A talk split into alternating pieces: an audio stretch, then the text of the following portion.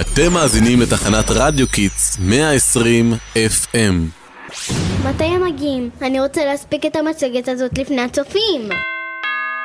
היי, סליחה שהתעכבתי, אח שלי שיגע אותי. אז מה בא לנו לכתוב על נחמה בלייבוביץ'? אני בינתיים אעשה לנו עמוד שער לעבודה. נראה לי נקרא לעבודה פרופסור נחמה ליבוביץ'. לא, היה כתוב שאף אחד לא קרא לה ככה.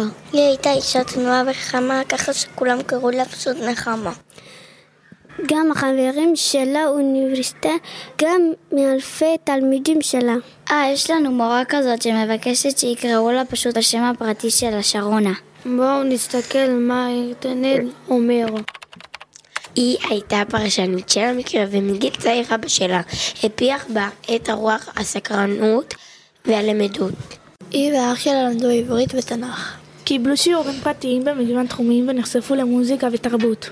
כבר מגיל צעיר היא נשבתה בקסם של המקרא, כשאבא שלה לימד אותה ואת אחיה סיפורים על רש"י. גם אחיה, ישעיהו לבובי, שהפך לימים לפיסאולוס ומדען, ידוע בזכות עצמו, הושפע מחינוך בבית. כאילו גדלנו בעיר גירניה שבבלטיה, בבית הקפדנו לדבר איתם רק בעברית. מאוחר יותר שעברה ללמוד בברלין, היא לימדה בעצמה עברית ותנ"ך בשיטה שנחשבת מאוד חדשנית בזמנו. היא לימדה בלי להשתמש בשפה מתווכת, באותם הימים לא היה נהוג ללמד את העברית בלי להשתמש בשפה המקומית.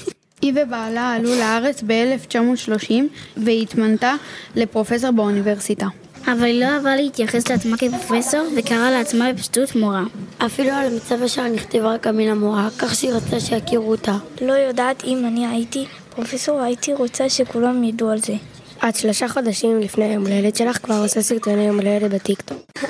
חבר'ה, עכשיו נעביר את השידור לשדרנים של כיתה A2. תודה רבה כיתה A2, אנחנו ניקח את השידור מכאן. נחמה לייבוביץ' בעצם פתחה את הדלת לדרך שונה ללמד את התנ"ך. כשעלתה לארץ לימדה בבית ספר לבנות המזרחי והייתה מקפידה על הבנה והתעמקות בסיפור על פני ידיעה ושינון. היא הייתה ממחיזה להם את סיפור תנ"ך. ומכיוון שרצתה לתת הזדמנות שווה לכל הבנות בכיתה, גם אלה שקלטו יותר לאט הייתה שואלת שאלה ומבקשת לכתוב את התשובה על הפתק ועוברת ביניהם לראות את התשובה. וככה בעצם עלה לה רעיון. להכין גיליונות עם שאלות בנושא פרשת השבוע ולהפיץ לכל התלמידים שלה. וככה תוכל גם לשמור איתם על קשר וגם להמשיך לעורר את סקרנותם. היא שלחה את הגיליונות מדי שבוע להמוני תלמידים ברחבי הארץ. תחשבו מה זה, אז זה לא היה מייל. כמה מעטפות היא הייתה צריכה לסגור ידנית. ואלפי תשובות היו מגיעים אליה בדואר והיא הייתה עונה על כולן. היא הייתה נוסעת לפינות שונות בארץ ובאוטובוסים. או במוניות ומלמדת את כולם דתיים, חילונים, צעירים וזקנים, תלמידים ומורים. היא עודדה שאלת שאלות ומחקר וחוויה לימודית שהביאה את התנ"ך אל תלמידים ולא להפך. היי, hey, ידעתם שהיא הייתה גם משדרת ברדיו? ממש כמונו, היא הייתה פרשנית התנ"ך של כל ישראל. איזו אישה מיוחדת. תודה רבה לה ותודה רבה לכם מאזינים יקרים. אנחנו היינו בית ספר תורני מדעי בתחנת רדיו קיטס, רדיו שמשדר על הגל שלכם.